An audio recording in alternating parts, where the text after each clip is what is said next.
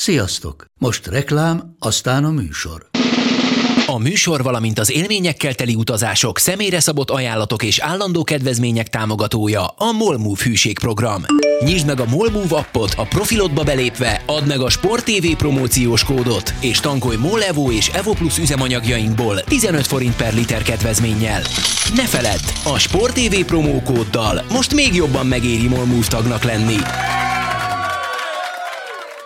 Vége a reklámnak, jön a műsor.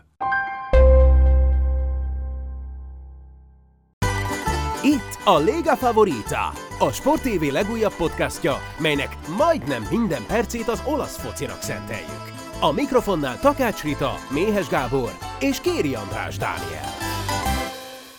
Szeretettel köszöntünk mindenkit, a Léga Favorita újabb adása következik. Olyan hétvégén vagyunk túl, hogy az elképesztő. Hogy csak na? Hogy csak na, volt egy 10 gólos meccs, egy 6 gólos meccs, kettő csapat rúgott együtt 13 gólt összesen. Úgyhogy egészen hihetetlen, hogy milyen forgatókönyv szerint zajlottak az események. És hát van két olyan eredmény, amire persze külön és részletesen kitérünk. Természetesen az egyik, a fontosabb talán, az a péntek esti rangadó, amin a tabella első két helyezettje találkozott egymással. Voltam szombathelyen csütörtökön, képzeljétek el, és egy étteremben ebédeltünk, és ott az ott dolgozó úr óriási Juventus szurkoló, és elkezdtünk egy kicsit beszélgetni, és kérdezte, hogy mit gondolok a pénteki meccsről. És én ugye már múlt héten is mondtam, hogy szerintem, szerintem a Juve megszorongatja a Napolit, és erre ő azt mondta, hogy szerintem nagyon csúnya lesz Juve szempontból a vége, ráérzett erre a dologra, neki lett igaza. Szerintem kevesen számítottak erre, hogy, hogy ez ennyire csúnya lesz. Andris, hogy, hogy viselted az eseményeket? Ó, a bemutatást Köszöntöm elfelejtettem. Tehát Méhes Gáborral itt a Sport TV-ben, és Kéri András pedig Skype-on csatlakozik hozzánk, úgyhogy így teljes tehát a kép. És a férfi mezőny, és 5 lett a végeredmény. Köszöntök én is mindenkit, igen. Hát nem igazán jól, valójában az első fél időben már eldőlt nagyjából minden, talán Kvaracélia góljánál, független attól, hogy ugye Di Maria szépített, sőt, még volt egy megpattanó labda, amit ugye nyerőszériában elemeztünk, Rachmaniról még majdnem bepattant a saját kapujába egy labda, de valójában nagyon egyoldalú volt az egész találkozó, a Napoli természetesen teljesen megérdemelten nyert, és ahogy ősszel a Benfica elleni párharcok során leginkább szerintem velük szemben ütközött ki az a testbeli különbség, vagy minőségi különbség, ami azt a kreatív futballt felmutató portugál együttes és a Juventus között volt, most valójában hasonlót láthattunk, és ugye a Napoli is kiemeltük ősszel, hogy ugye Európában is kiemelkedőt nyújtott, tehát ilyen szempontból nem meglepő, ha egy Benfica ellen a Juventus alárendelt szerepet játszik, akkor egy hasonlóan kreatív, rengeteg elmozgásra, kiismerhetetlenségre épülő, nagyon okos futballt építő Nápoli, főleg Nápolyban meg tudja verni könnyedén a Juventus, de valóban én is egy sokkal szorosabb mérkőzésre számítottam.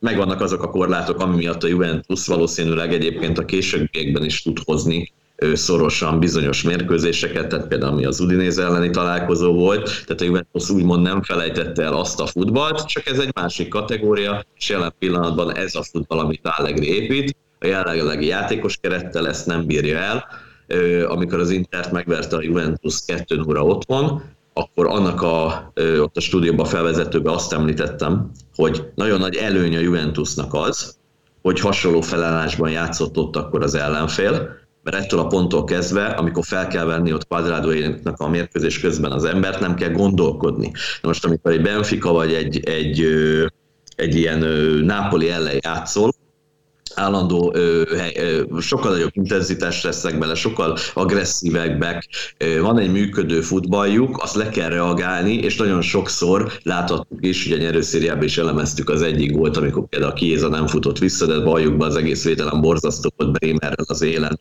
rengeteget hibáztak, ö, olyan krízis helyzetbe vagy stressz helyzetbe tudta a Napoli többször belemenni a Juventus játékosait, amire nem tudtak a Juventus futballistái megfelelő módon reagálni. Andris a műsorvezetők álma, tehát feltesz az ember egy kérdést, vagy egy felvetést mond, és utána kibeszéli a felvezetést. Akkor ennyi időnk volt a Napoli Juve találkozóra ebben a beszélgetésben. Nem, na, csak... Most pedig beszéljünk az Udinéz a bolonyáról. csak viccelek, szóval Ez a Juventus ez ugye nyert zsinórban nyolcat, úgyhogy nem kapott egyetlen egy gólt sem, majd jön az igazi teszt, a legkomolyabb, ami, ami alapján eldönthetjük, hogy ez a csapat bejelentkezik-e a bajnoki címért, és ezen a teszten így elbukni azért rettentően csúnya. Akármennyi sérült van, és akármilyen kifogások vannak a Juvévánál. Hát, hogy kifogás van-e, az biztos mindig van, de azért ellentétes ez a meccs abból a szempontból az előző nyolccal, hogy az előző nyolcon egyiken sem játszott Kiéza jobboldali szárnyvédőt.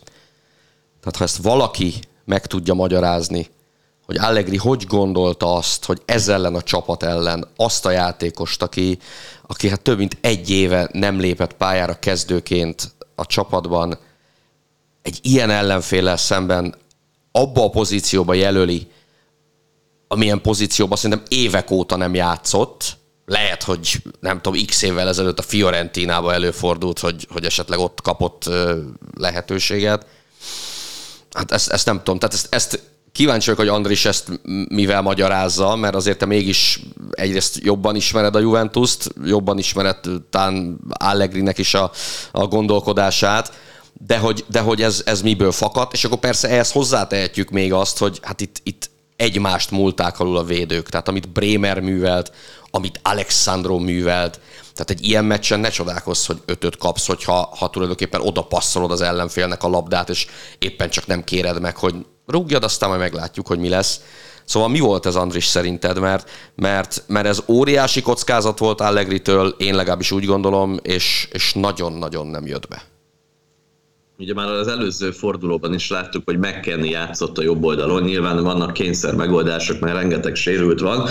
Ami a, ugye a azért mondom mindig, hogy erőszériát, mert ott ugye ábra, ott tudjuk ugye a monitoron elemezni, hát ha egy-két hallgató látta az adást, mert ott az volt a lényeg, hogy a második bekapott volt, azért emeltem ki, mert amikor elindul az akció, már akkor ugye Kiéza felemeli a kezét, ott áll a félpályánál, az akció végén rúg Paraszélia gólt, és Kiéza az akció végén, amit végigjátszik a Nápoli nem tudom hány alatt, kb. ugyanott tartózkodik utána is. Tehát független attól, hogy nem szerencsés mondjuk őt ebbe a pozícióba tenni, amit én egyetértek veled, szerintem egy Juventus játékos teljesen mindegy, hogy hova küldik fel a pályára, minimális szinten olvassa annyira a játékot, hogy annyira kellene tudni, hogy kisegítse a társait, mert az lehetetlen, hogy szabadon hagyjál egy embert.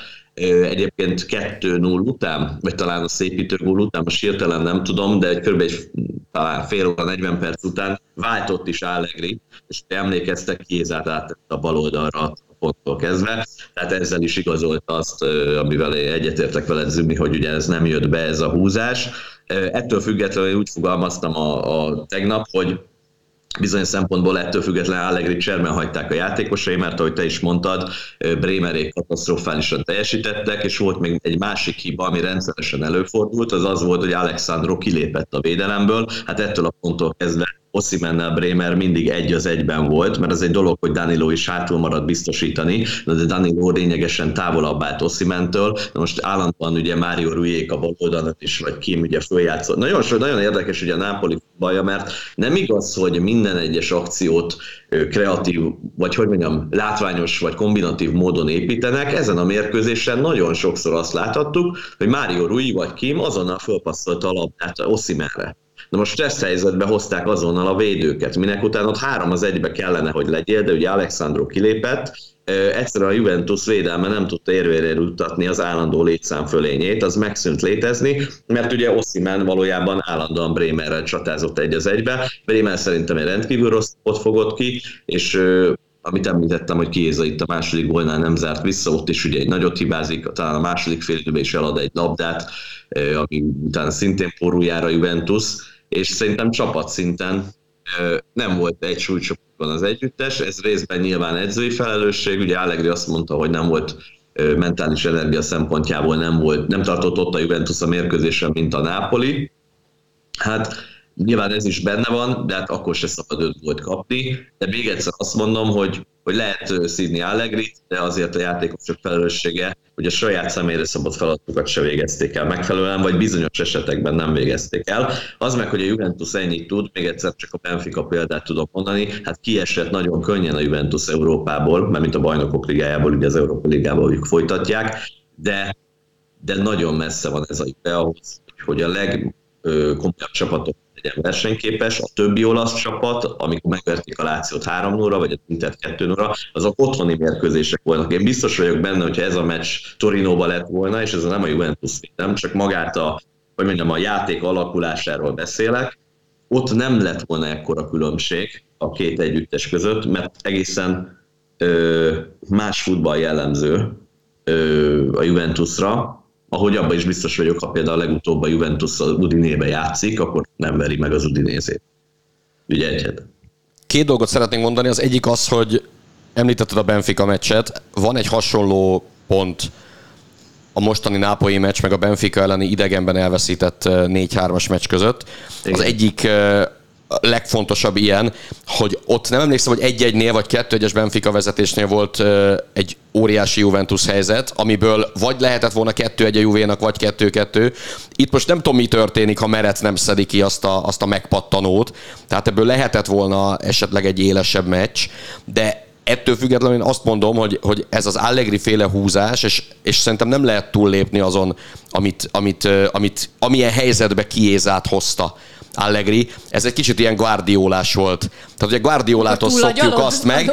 Az, az egy dolog, hogy túlagyalod, de, de most azért már nem először fordult elő, hogy, hogy Guardiola olyan pozícióba állít totta bizonyos játékosát, vagy állítja bizonyos játékosait, hogy a meccs után ő maga kér elnézést az embertől, és azt mondja, hogy bocs, ez nem jött be. És, és szerintem vérciki.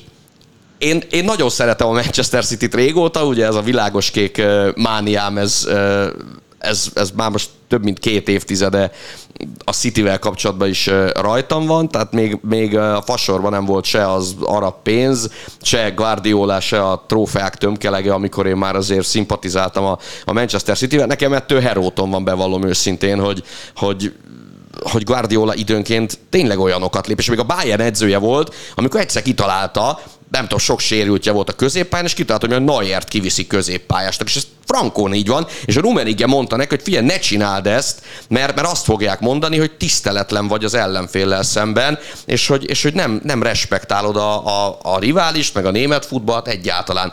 És a Guardiola nem akar semmi rosszat ezzel, hogy ő, de neki meggyőződése volt, hogy Neuer úgy bánik a labda, simán tudnak középpályán játszani.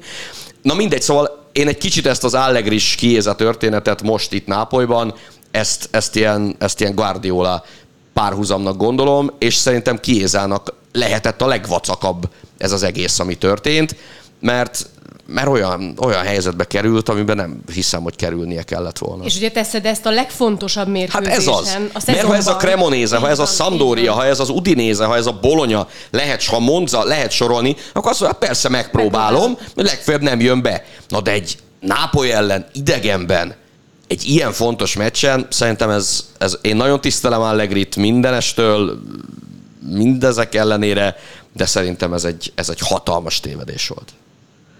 Hát az, az igazság, hogy való igaz, az elmúlt két évben nagyon sokszor már nem ülnek a megállapításai, vagy hogy mondjam, a gyakorlatban nem jönnek be a húzásai Allegrinek, amit korábban esetleg megszokhattunk, persze az egy másik időszak volt, másik játékos keret, stb.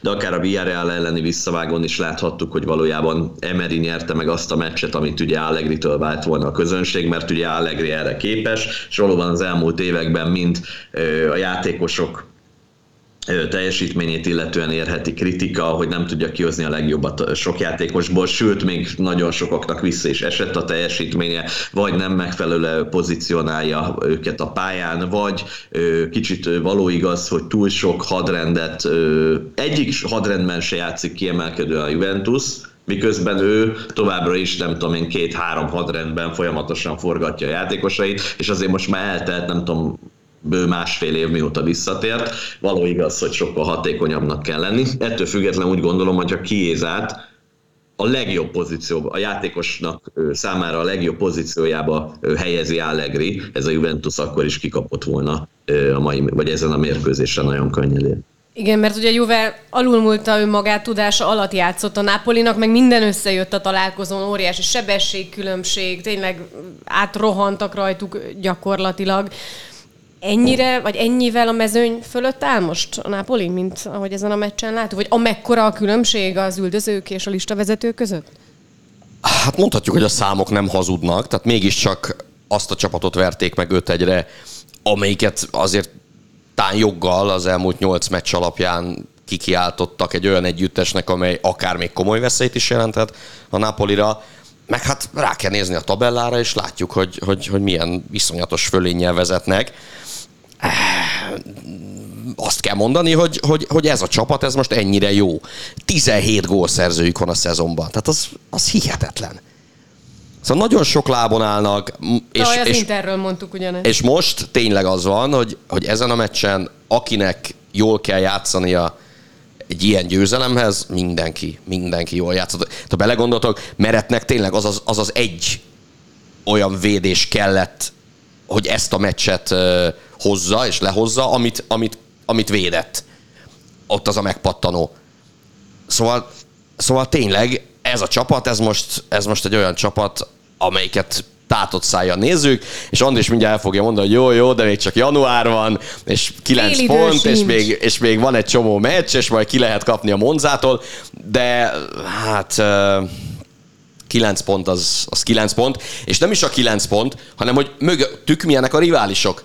Tehát most azért a Milántól hasra esünk, az Intertől hasra esünk, a Juventus-tól az egyöt után nyilván nem esünk hasra, és, és akkor utána ugye már Láció van, Atalanta, Róma van, amelyeket meg egyáltalán nem tarthatunk, én azt gondolom, bajnok esélyes csapatoknak azok alapján, amit, amit, eddig, amit eddig láttunk.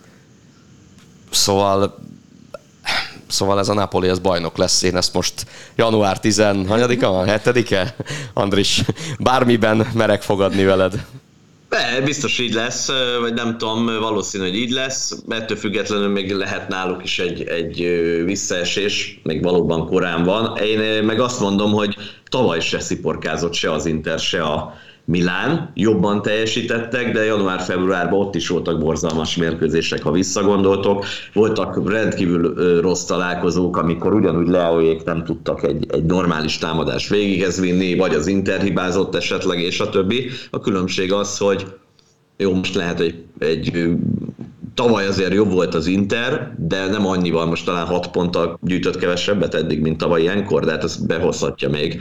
E, arról nem beszélve, hogy volt itt egy világbajnoki vagy egy, egy ilyen szünet. A probléma a két milánói csapat számára az, hogy tavaly nem volt ennyire erős a Nápoli, nem volt rossz a Nápoli, de ugye kifulladt egy idő után, meg ennyire nem volt erős. Igazából ö, szerintem ennyi a különbség jelen pillanatban, hogy most van egy sokkal erősebb rivális, vagy harmadik rivális, Na de Andris, bocsánat, volt, volt olyan érzésed tavaly, akár az Intert, akár a Milánt nézve, mint amilyen érzésed időnként ebben a szezonban a Napoli játékát látva van? Nem, hát pont ezt mondom, hogy azért nem érzem, a, a, mert ugye azt mondják, hogy Inter meg a, a, a Milán nagyon rosszul teljesít, nem teljesítenek jól, de én emlékszem, hogy hogy, hogy januárban tavaly, meg februárban borzasztó meccseik voltak a, a Milánnak, meg az Internek. A különbség az, hogy ma, most van a bajnokságban egy sokkal erősebb Nápoli. Tehát ennyi. Hát tavaly egymás hibáiból értek. Tehát az, hogy ma a Milán lett a bajnok a végén, megérdemelten, de valójában nem volt egy, egy atomerős Milán, valljuk be. Tehát e- eszméletlen meccseken ott is döntetlen, hogy a Torino ellen, amit láttam, az szörnyű meccs volt.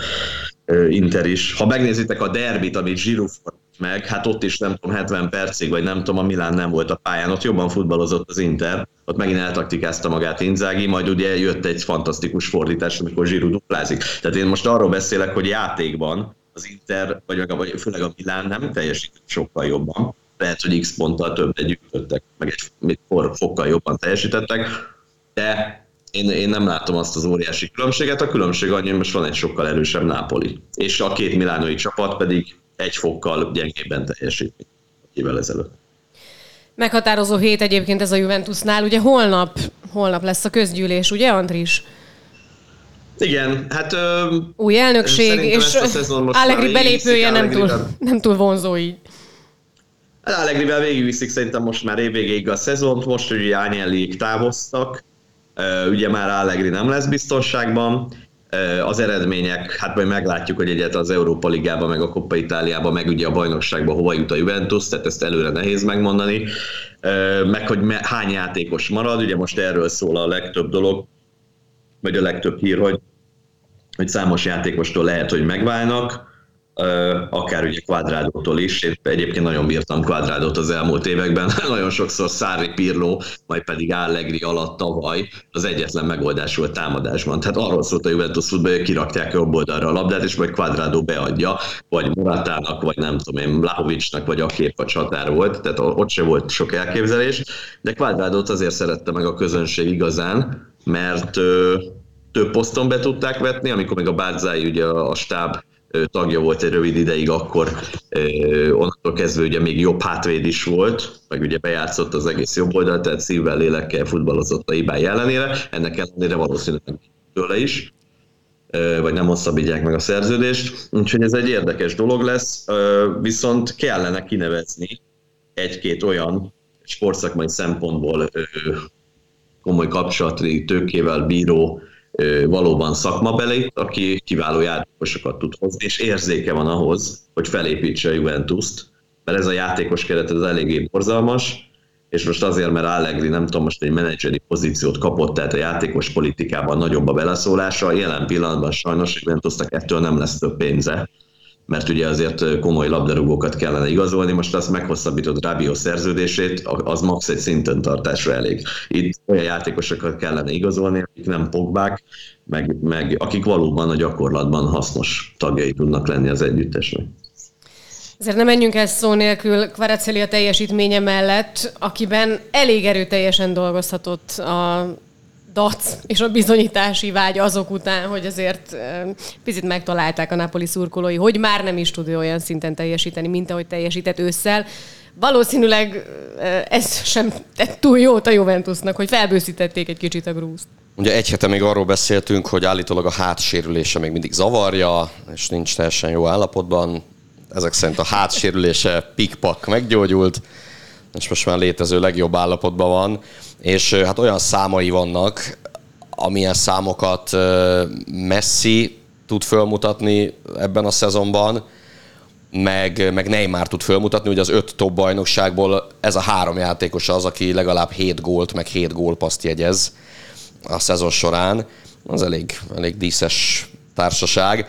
De tényleg mindenki nagyon ment. És biztos, hogy, hogy ott érezhették a nápolyi játékosok a pályán a zavarodottságot, mondjuk Bremer egy-két megoldását, meg Alexandro egy-két megoldását látva, nem csodálom, hogy érezték, a saját bőrükön tapasztalták, hogy, hogy ez valószínű egy, egy, egy eléggé megtévet Juventus, és, és szerintem, szerintem érezték, hogy rá kell lépni a gázpedára, és akkor ebből, ebből nagy verés lehet.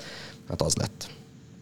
Hat gólos meccs tehát, de volt egy találkozó, aminek sikerült ezt is felülmúlnia. Nagyon keveset beszélünk az Atalantáról, nyilván mindig előre, előbbre való, hogy a milánóiakról, a rómaiakról, a Juvéról szó legyen, de a 8-2 után azért ne hagyjuk ki őket a mai favoritából. Mi elcserélted azt a meccset? Képzeljétek el, igen, ennek, igen ennek, ennek története van. Igen, úgy volt, hogy három meccset kellett volna egymás után közvetíteni. Ez egyéb heti programok miatt volt így és aztán én megkértem az Engyel Pistit, hogy ezt a harmadik meccset, ami Atalanta Salernitánál, hogy ezt közvetítse már, legyen kedves. És bevallom őszintén, a két meccsem után hazamentem Szegedre, és Hát a jó Isten látja a lelkemet, nem az volt az első dolgom, hogy, a, hogy az Atalanta Salernitánát néztem volna, hogy, hogy mi lett az eredmény, és hogyan alakult, és egyszer csak azt láttam, hogy valamikor ilyen, ilyen 9 óra után az Engyel Pisti hív telefonon, és mondja, hogy hát úristen, hát ez milyen meccs volt. Mondom, mennyi Bármikor lett az eredmény? Mennyi lett az eredmény? Azt mondja, 8-2. Hát mondom, szivatsz? Mondta, hogy nem, tényleg 8-2 lett, úgyhogy mondtam neki, hogy bármilyen kedvességet szívesen fogadok. Egyre még az asztalomon nem találtam találtam semmit, ami ajándékgyanánt tekinthető de nem sajnáltam én ezt a pubitól, tehát örülök, hogy, örülök, hogy ilyen élményben volt része általán. Aznap engem is felhívott, információt kért, hogy egy nagyon izgalmas mérkőzést kell közvetítenie. És mit mondtál neki, hogy 8-1 lesz szerinted? Nem, hát pont azt beszéltük, hogy nem várjuk annyira kiemelkedő találkozónak. De esetleg jó meccs volt, végre elég sok gólt rúgott ismét az Atalanta. Volt ott ugye két 11-es, ami rendkívül módon befolyásolta a mérkőzést, ami után kiszállt a meccsből a Salernitana, mert ugye már azt hiszem idén a Sassuolo vagy a Monza ellen is ezt megtették, tehát hogyha elveszítik a, a fonalat, vagy, vagy kiesnek a játék ritmusából, akkor nincs igazán tartásuk, tehát bele tudnak szaladni egy pofonba. És az Atalanta elég jó volt, ugyanúgy nekik is bejött minden, mint a Nápolinak a mérkőzésen, és azért Ederson az ex, az mekkora gólt rúgott, tehát egy elképesztő gólt rúgott, de talán Lukman is, aki ugye nagyon jól beilleszkedett az együttesbe, Hát majd, ahogy szoktuk mondani, majd meglátjuk, hogy az Atalanta a következő fordulóban hány gólt szerez, és milyen eredményt ért el, mert ugye, hogy fog elérni, mert az azért... A következő uh, fordulóban, de tudod, mi lesz a következő fordulóban? Jó. Jó-e Atalanta? Egy, egy meglátjuk. Egy Úgyhogy azért mondom, majd az, majd az mert vannak csapatok, kirú, kirúgják, mint rúgnak egy csomó gólt, aztán a következő mérkőzésen meg vagy egy gólt rúgnak, vagy gólképtelenek. Úgyhogy majd meglátjuk, hogy ez Atalanta most milyen pazdan van. Én tudok egy stadiont, ahol a Salernitana nem omlott össze, még 0-1-nél sem. Rómában van az a stadion. és a számomra szimpatikusabb római csapat ellen nem omlottak össze. Egyen meg a húsukat. Igen. Ugye Davide Nikolát ugye kirúgták a 8-2 után. Sajnálom, nagyon sajnálom. Azért, és azért a ez... csapatnak volt egy karaktere, tavaly óriási bravúrral maradtak bent, és egy ilyen eredménnyel kész vége a, vége a Salernói pályafutásának. Én is sajnálom, mert egyébként magát a karaktert én is, én is bírom. Ugye többször tett már csodát az olasz futballban azzal, hogy, hogy bent tartott bizonyos csapatokat szinte reménytelen, vagy teljesen reménytelen helyzetből indulva, mert mondjuk szerintem a Salerno tavalyi bennmaradása az, az a teljesen reménytelen vállalkozás volt. Lassan lehet, hogy akkor a Sampdoria vezetősége elgondolkozhat a leigazolásra. Szóval én sajnálom, hogy, hogy az állásába került ez a, ez a 2-8. Hát meg elég hálátlan dolog, mert hogyha ő nincsen, jó, nyilván Jervolino elnök is kellett, meg akkor még Sabatini, meg ugye a csapat, de hogyha ő, Nikolá nincsen, akkor nincs bennmaradás. Úgyhogy szerintem, és ugye most is 9 pontra voltak a kieső helytől. Tehát itt körülbelül fél távnál vagyunk, ugye most vagyunk kb. fél távnál. Tehát szerintem rendkívül jól teljesített. Jó, meg is erősítették azért a csapatot a tavalyi kerethez képest, de ettől függetlenül mindenképp maradnia kellett volna, meg az az igazság, hogy emberileg is nagyon jó példát mutat szerintem a játékosoknak, meg általában a fiataloknak, akik követik a labdarúgást, meg köztük nagyon sajnálom, hogy Alvini, Ugye Alvin is egy rendkívül rokon szemes ember, hát sajnos az eredmények nem jöttek, ugye leváltották a Cremonézénél. Most itt is kérdés, hogy mindkét esetben olyan embereket neveznek ki, akik már többször buktak, tehát valljuk be, hogy nem tudom, hogy milyen javulás várható. És akkor csak párhuzamba egy gondolat, hogy ugye a Szamdóriát néztük tegnap, és ott van ő Stankovics, meg ezek a nagyon nagy nevek, akik aztán nem hoznak eredményeket. Hát pont Nikola azért volt jó, mert ő már többször ugye megmentett csapatokat kieséstől, tehát volt egy tapasztalata, ez a tapasztalat, meg a rutin, ez segítette a Salernitánát tavaly.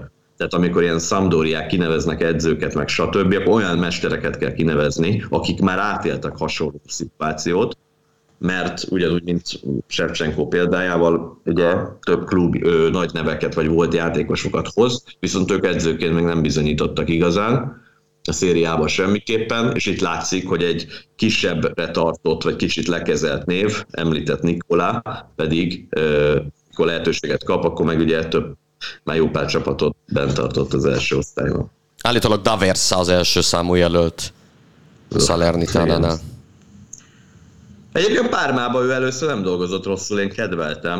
Hát mondjuk ő is megfürdött a Salerni, a, bocsánat, a Sampdoriánál, ha jól tudom, még mindig fizetik június 30-ig talán van szerződés. Mondjuk a Sampdoria mindenkit fizet, és közben pedig csődbe fog menni, ha nem találnak tulajdonos, tehát egyszerre fizetnek három edzőt a jelenlegit, fizetik Daversát, meg nem tudom ki volt még Stankovics előtt közvetlenül.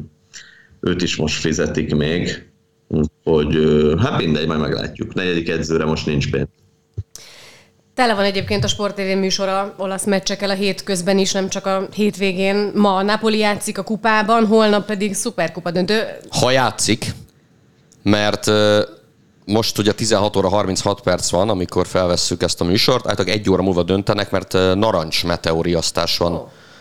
Nápoly környékén, és egyáltalán nem biztos, hogy le fogják játszani ezt a meccset. Szaudarábiában valószínűleg kellemes időjárási körülmények uralkodnak, úgyhogy a szuperkupa döntő reméljük, hogy nem kerül veszélybe, mert hogy holnap pedig majd ez következik, úgyhogy picit akkor beszéljünk a, a két résztvevőről. Persze tudom, hogy nem igazán számítanak egy ilyen mérkőzésen a korábbi eredmények, mert ez önmagában egy óriási, illetve nyilván a Milán és az Inter találkozik egymással, ez óriási presztízs összecsapás, de hát azért úgy tűnik, hogy az Inter most valamivel optimistában várhatja ezt a mérkőzést, mint a, a Milán. A Milán egy picit gödörbe került, és pont tegnap beszélgettünk arról, hogy hogy nehogy egy ilyen lejtmenet következzen, vagy egy ilyen negatív spirál a csapat életében, ha mondjuk a holnapi találkozót elveszítik, és aztán mi lesz a hétvégén, Láci, ugye? Az kedden. Ja, az ugye, lesz, igen, tehát a következő fordulóban. az Inter, kedden a Milán, igen. Következő igen, a szuperkupa miatt. csúszik egy kicsit. Szóval, hogy ez a hét sors döntő lehet sok csapat életében, én azt hiszem, vagy, vagy elválhat, hogy kit milyen pályára állít ez a néhány nap. Ezért jó egyébként az olasz bajnokság, mert tulajdonképpen minden hétre és minden fordulóra elmondhatjuk azt, hogy ez ilyen-olyan szempontból sorsdöntő, aztán vagy dőlnek a sorsok, vagy nem dőlnek. De én egy hete azt mondtam, hogy szerintem mind a két csapatnak pupa hátára az, hogy el kell menni Szaúd-Arábiába olasz szuperkupát játszani. Most ez ott tartunk, hogy ez az egy kupa, amit megnyertek. És valószínű, hogy maga az utazás, az, az lehet, hogy tényleg nem olyan nagy öröm és nagy boldogság. Ráadásul állítólag megváltoztatták azt a szállodát, ami Inzáginak a kedvenc szállodája, mert amikor a Lációval nyert itt szuperkupát, akkor itt voltak, és ő nagyon ragaszkodott volna hozzá, de az utolsó pillanatban kiderült, hogy másik szállodába kell az Internek menni, és Inzáginál ez teljesen kiverte a biztosítékot. Viszont igen, amit a Rita mond, hogy, hogy tulajdonképpen ott tartunk most már, hogy bajnoki címről szerintem nem kell egyelőre ábrándozni, és ahhoz, hogy ez a szezon valamit érjen, ahhoz, ahhoz ugye kupát kéne nyerni. A Milán kiesett a Torinóval szemben az olasz kupából egy egészen hihetetlen meccsen, volt szerencsém azt is közvetíteni, meg azt is volt szerencsém, vagy szerencsétlenségem közvetíteni, hogy az Inter viszont tovább jutott a Párma ellen hosszabbítás után az olasz kupában. Tehát itt most gyakorlatilag ezek azok a meccsek, és ezen meccsek közül az első a holnapi, a szuperkupa, ahol valamit mégis virítani lehet, és amiben esetleg majd, majd kapaszkodni lehet, és azt lehet mondani, hogy jó, jó, de legalább ezt megnyertük. Úgyhogy ebből a szempontból biztos, hogy mind a két csapat uh, iszonyatosan motivált lesz, azon túl, hogy noha nem a városban játszák, de azért mégiscsak egy városi derbi. Felértékelődött a jelentősége, az, az kétségtelen. Igen, mindenféleképpen mindkét csapat számára fontos, talán az Inter egy fokkal jobb paszban van, de ettől teljesen függetlenül a, igazából a játékos keretek nagyon, nagy, vagy nagyon drasztikusan nem változtak tavalyhoz képest, és akkor is azt említettem, hogy szerintem az Inter erősebb kerettel bír, több benne a potenciál, főleg egy kupa mérkőzésen, és ezért én esélyesebbnek tartom őket egy fokkal. Hát aztán majd meglátjuk, hogy ez hogy alakul az biztos, hogy hiába ő, talán az Inter jobb paszban van, a Milán nem nyer, valószínűleg más nem tudnak nyerni idén. Viszont, hogyha meg az Inter nem nyer, az Interit is visszavetheti. Tehát ugye az Inter kikapott a Juventus-tól még, még a, a VB előtt, de a, azt megelőzően meg azóta nagyon jó eredményeket hoz, megvert ugye a Nápolit is, nehezen, de tovább a Coppa Itáliában. Volt ez a Monza mérkőzés, amikor szerintem Inzaghi megint elcserélte magát, de relatíve, ha az eredményeket nézzük szigorúan, akkor, egy sok, akkor egy jó paszban van, mert azért nagyjából, de hozza a meccseket, még a, például a Verona meccs sem volt túl éles. Viszont, hogyha az Inter veszítene a Milán ellen, az Inter ugyanúgy ez visszavetheti mentálisan is tehát mindkét fél számára szerintem rendkívül fontos, hogy megnyerjék a trófát, talán ezért lesz izgalmas, valószínűleg egy taktikus meccs lesz, Zimivel pedig egyetértek abba, hogy ez nagyon rossz időpontban kerül sor megint ugye erre a szuperkupa döntőre, főleg így, hogy ugye utaztatni kell a csapatokat, tehát állandóan játszanak, elég fáradtak, és ugye volt a világbajnokság miatt ugye nem szerepeltek a csapatok, értelemszerűen nem volt bajnokság, de, de hát ott is decemberben ugye a Milán is elment két edzőtáborba, Szerintem ez is teljesen felesleges volt, ott is utaztatni a játékosokat, akik rendelkezésre álltak. Ugye voltak Dubajban is, és ugye visszajött a csapat egy alapozás után, és szerintem, bár a Salernitánát megverték az elején, ez az enervált állapot fizikálisan, fejbe szellemileg is annak is köszönhető, hogy ezt az alapozást ők véghez vitték, meg mondom, rengeteg utazással jár, tehát hosszú távon még ennek pozitív hatása lehet a szezon szempontjából a Mirára, de rövid távon szerintem ezért is van az, hogy eléggé enervált a Milán ezekben a fordulókban most.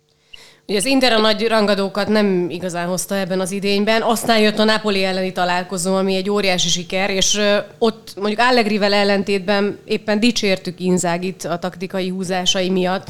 Most erre nincs annyi ideje, hogy felkészüljön, mint amennyi ideje a Napoli elleni meccsre volt. Erre nincs másfél hónapja, ez igaz. De az biztos, hogy, hogy azért Inzáginak a kotta megvan, hogy hogyan lehet a Milánt megverni. Én azt tudom mondani, nem láttam az Inter-Verona mérkőzést, viszont láttam azt, és hallottam azt, ahogy, ahogy a, a meccsnek a két sporttévés közreműködője, Faragoricsi és Bartazoli vasárnap, ahogyan beszélgettek erről a meccsről, és hogy amilyen károkat okozott mindkettejük lelkében az, hogy azt a mérkőzést végig kellett nézniük, és végig kellett szenvedniük, hogy ahogyan, ahogyan alakultak az események, illetve az eseménytelenségek, Szóval itt szerintem... Reméljük nagyobb problémával lehet, hogy nem kell amiatt, megküzdeni. Lehet, hogy amiatt esélyesebb esetleg az Inter, mert, mert ugye Inzáginak ezek az egymeccses kupadöntők, ezek elég jól fekszenek, talán egy ilyet veszített el edzői karrierje során, tehát ebből a szempontból ez, ez rendben van.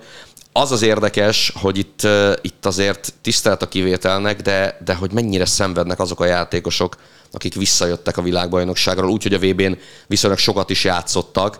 Tehát itt mondjuk Teo Hernández példája ebből a szempontból egy, egy, egy elég jó példa arra, hogy, hogy mit is jelentett az, hogy lejátszotta az őszt, elment a VB-re, ott szinte végig játszania kellett, tehát nem is szinte, hanem végig játszania kellett, aztán visszajött, Hát ugye erre a Teo Hernándezre most rá se lehet ismerni, és persze mindenkinél lehetnek hullámvölgyek, meg, meg lehetnek gyengébb meccsek, de, de hát nem nagyon van, nem nagyon van alternatívája. És, és itt ugyanaz, hogyha a kulcsemberek Piolit is esetleg cserben hagyják, ahogyan, ahogyan beszéltünk arról, hogy Allegrit néhány embere most Nápolyban cserben hagyta, akkor az nem sok jót jelent a Milán számára. Meg ugye ott az internet Dumfries is ugye elég ki van merülve, Darmian nem véletlen, hogy mostanában folyamatosan kezd. Egyébként ez egy jó dolog, hogy a keretedben van két teljesen eltérő játékos, de mind a kettő ugyanazon a poszton rendkívül hasznos tud lenni más és más miatt az Inter oldalán, de mindkét félnél valóban megint a húzó emberek azok, akik ideig is voltak az elmúlt egy-két évben, mondjuk az Internél ugye be tudták építeni Mikitárjánt, aki továbbra is mondok, hogy szerintem nagyon jó igazolás volt, de alapvetően a Milánnál is ugye azok hozzák, a, vagy cipelik a, az együttest, akik, akik ugye hozták a bajnoki címet, és abban a pillanatban, hogy történik egy váltás, akár mérkőzés közben, vagy, vagy az úgynevezett csereemberekkel kezd egy-egy mérkőzésen Pioli, ott rendkívüli módon visszaesik a teljesítmény, miközben ezzel párhuzamosan mindig, mindig ugyanazok a húzó emberek cipelték a Milánt az elmúlt hónapokban, és Lázsírú, akiknek emiatt állandóan játszania kell, hát ők rendkívül el fáradva, szellemileg is, és ez is ugye kifacsarja az együttest. Az Internél pedig ugyanez Internek erősebb a kerete, Viszont ott is, amikor Inzági sorokat cserél, úgymond, tehát kihasználja mind az öt cseréjét, és leszedi az alapcsapatot egy azonos mérkőzésre, hát megbomlik az együttes játékának a dinamikája, mert ugye a fél csapatot kicseréled az automa, és ők ugye nem tudják hozni Gájárdiniék nagyon sokszor azt a teljesítményt, amit mondjuk egy alapfelállásban tud. Hát nem illetve, a Verona ellen be kellett küldeni Barellát, akinek volt egy sérülése, még talán Monza meccsen jött neki, és ugye a Verona ellen kénytelen voltak felküldeni pályára, pedig azt, az egy, azt a kieső jelölt csapatot ugye hazai pályán fogadta az Inter, és nyilván a szuperkupára pont tartogatta őt Inzági, de mégis be kellett küldeni, hogy biztosak legyenek benne, hogy lehozzák a meccset. Tehát azért mondom, hogy, hogy sajnos mindkét olasz vagy milánói top csapat ez borzalmas egyébként, hogy nem tudnak építkezni, sőt évről évre, főleg ugye az Inter oldalán, hogy elment Hakimi, vagy először elment még akkor egy, egy kirobbanó formában levő Lukaku. Nem, hogy építeni tudod évről évre a csapatodat, hogy versenyben legyenek az európai csapatok, ahol még konkrétan még gyengül is a kert sokszor. Hát ez nem segíti nyilván az ő munkájukat. Leao is nagyon hullámzó teljesítmény nyújt.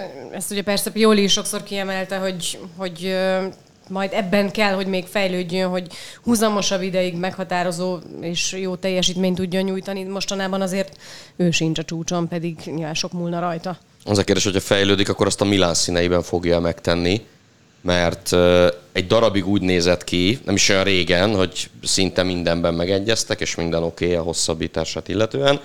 Most megállítólag mégis van valami kis bökkenő, és, és azért szerintem ez egy, ez egy rutintalan, egy fiatal játékos számára, aki azért nem nagyon szokta még az ilyen típusú helyzeteket, ráadásul ugye oké, okay, hogy nem játszott nagyon sokat a VB-n, de, de azért ő is világbajnoki résztvevő volt, ő is egy darabig azért versenyben volt a, a portugálokkal, valószínű ezt is nehezebben ö, lépi át, igen, hát erről beszéltem az előbb, hogy, hogy itt nem nagyon tudsz olyan játékost mondani most a Milánban, tehát kiket emeltünk ki az utóbbi időben? Bennaszert. Oké, okay, nagyon jó játékos, nagyon hasznos játékos.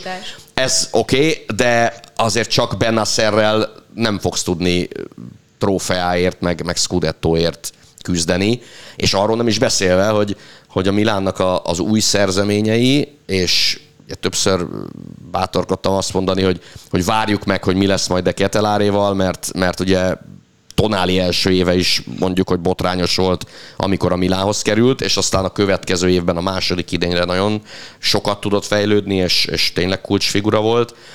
Tehát adjunk még türelmet, de azt, azt viszont láthatjuk, hogy azok az emberek, akik, akik a nyáron jöttek a Milához, igazából érdemben ilyen-olyan okok miatt egyáltalán nem tudnak Piolinak segíteni és ez ettől a ponttól kezdve elég problémás. Mi van most Lukaku-val?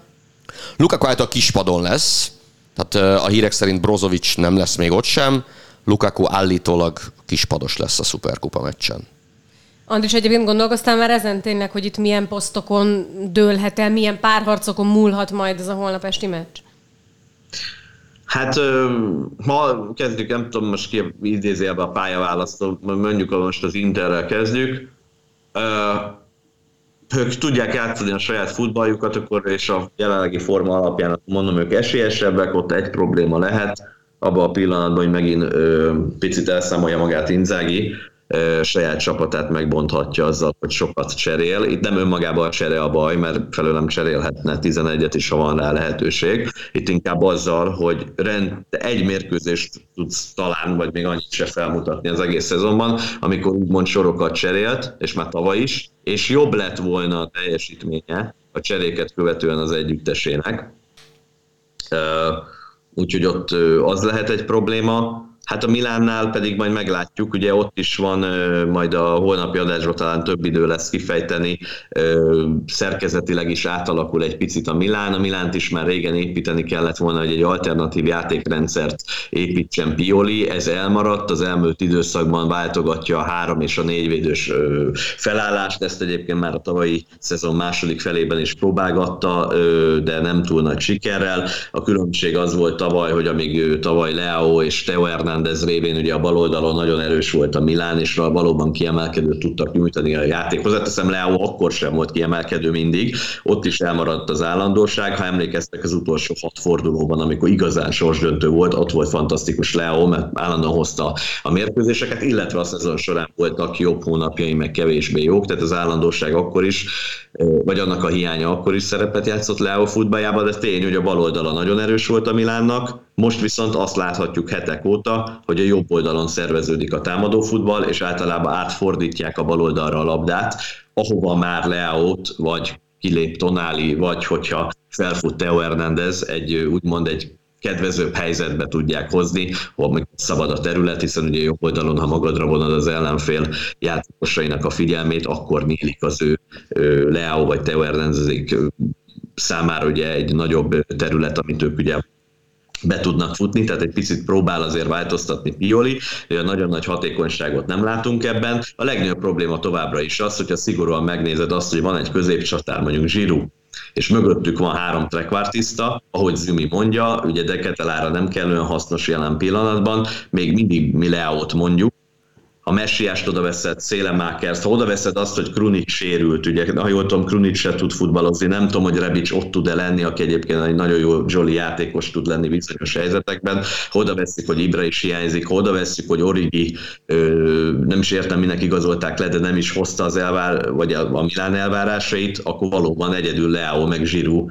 alkotja hatékonyság szempontjából a teljes Milán csatársort az elmúlt két évben. Na most ez lehetetlen, hogy ezt a két ember mindig kiemelkedőt nyújtson, tehát meg kellene őket támogatni. E, sajnos a játékos keret ehhez a játékelképzeléshez kevés sokszor. Szóval szerda este nézzétek a Sport egyet, ahol jön majd Sport 2-t.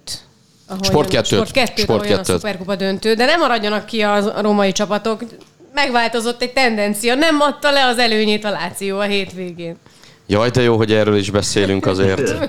Igen, de ugye keserű azért a történet, Igen. mert, mert Immobile megsérült. Most és mennyi most, időre Hát most két hetet mondanak, tehát a Milán ellen egészen biztos, hogy nem lesz. A Fiorentina ellen nagyon kérdés, hogy lesz-e, és, és az most nagyban befolyásolhatja azt, hogy, hogy akkor a Láció hogyan is dolgozik itt, a, itt az átigazolási piacon januárban de, de egyébként elég komoly feszültség van, és ez egyre inkább éleződik most már Szári és, és Tare között, olyannyira, hogy, hogy Lottítónak is közbe kellett szólnia, szóval, szóval van baj, nem, nem kevés, de legalább, legalább sikerült ezt a meccset a Sassuolo ellen 2-0-ra megnyerni. És hát van három csapat, amelyik ott lohol ugye a, a BL indulók mögött, vagy a jelenleg BL induló helyen lévők mögött, úgyhogy azért lesz itt még sok-sok éles dolog.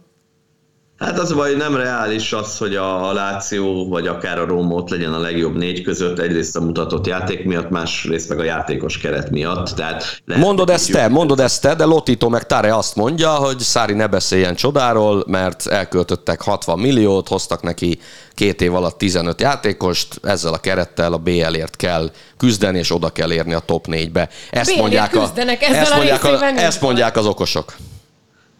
Hát igen, de, de ettől függetlenül ezt tudjuk mi is, hogy nem reális sajnos, tehát irreális, amit a Szárítól elvárnak ebből a szempontból. Mondjuk egy jobb futballt elvárhatnak tőle a jelenlegi kerettel, de az, hogy szerintem az Európa, ez a játékos keret, ez arra jó, hogy az Európa Liga helyre vigye el a Lációt. A, egyébként a Róma is ilyen, tehát a Róma is borzalmasan játszott a Fiorentina ellen is, pedig még emberelőnyben is futballozott, mindegy, hozták a mérkőzést, ott is hiányosságok vannak, és ott van ugye az Atalanta, mi most rúgott egy nyolcast. Majd meglátjuk, nem, az a baj, nem tudjuk, hogy az Atalanta a következő hetekben hogy teljesít. Tehát még az is lehet, hogy, hogy, hogy beindulnak, bár ott a, a, a futball ez nem de nem gondolom, hogy így lesz, biztos lesznek ott is jobb mérkőzések. Szerintem ez a hármas, ez, ez nem, nem lehet ott az első négyben. Vagy ha nem tudom, a Juventus nagyon kifullad és visszaesik, még valaki bemehet oda a negyedik helyre, de szerintem Szerintem a, a Milán, az Inter, a Juve, meg hát nyilván a Napoli lesz az első négy. Tehát a bajnokok ligája se a Rómának, se a Lációnak nem reális. Az Atalantának se valószínűleg. Hát jó munkát nektek szerda estére. Én majd spanyol kupa meccs közben azért figyelni fogom, hogy mi történik az olasz szuperkupa döntőn. Zümi, Andristi aktív résztvevői lesztek ennek a találkozónak. Zümi, te pedig, hogyha a Napoli játszik, akkor ma este is még hallható vagy a Sport TV-ben. Úgyhogy, de a podcast most ezzel véget ért. Jövő héten kibesézzük, hogy, hogy mi lett itt a hétközi találkozókon, és aztán a hétvégén természetesen. Köszönjük, hogy hallgattatok bennünket. Sziasztok! Sziasztok! Sziasztok! A műsor a Béton partnere.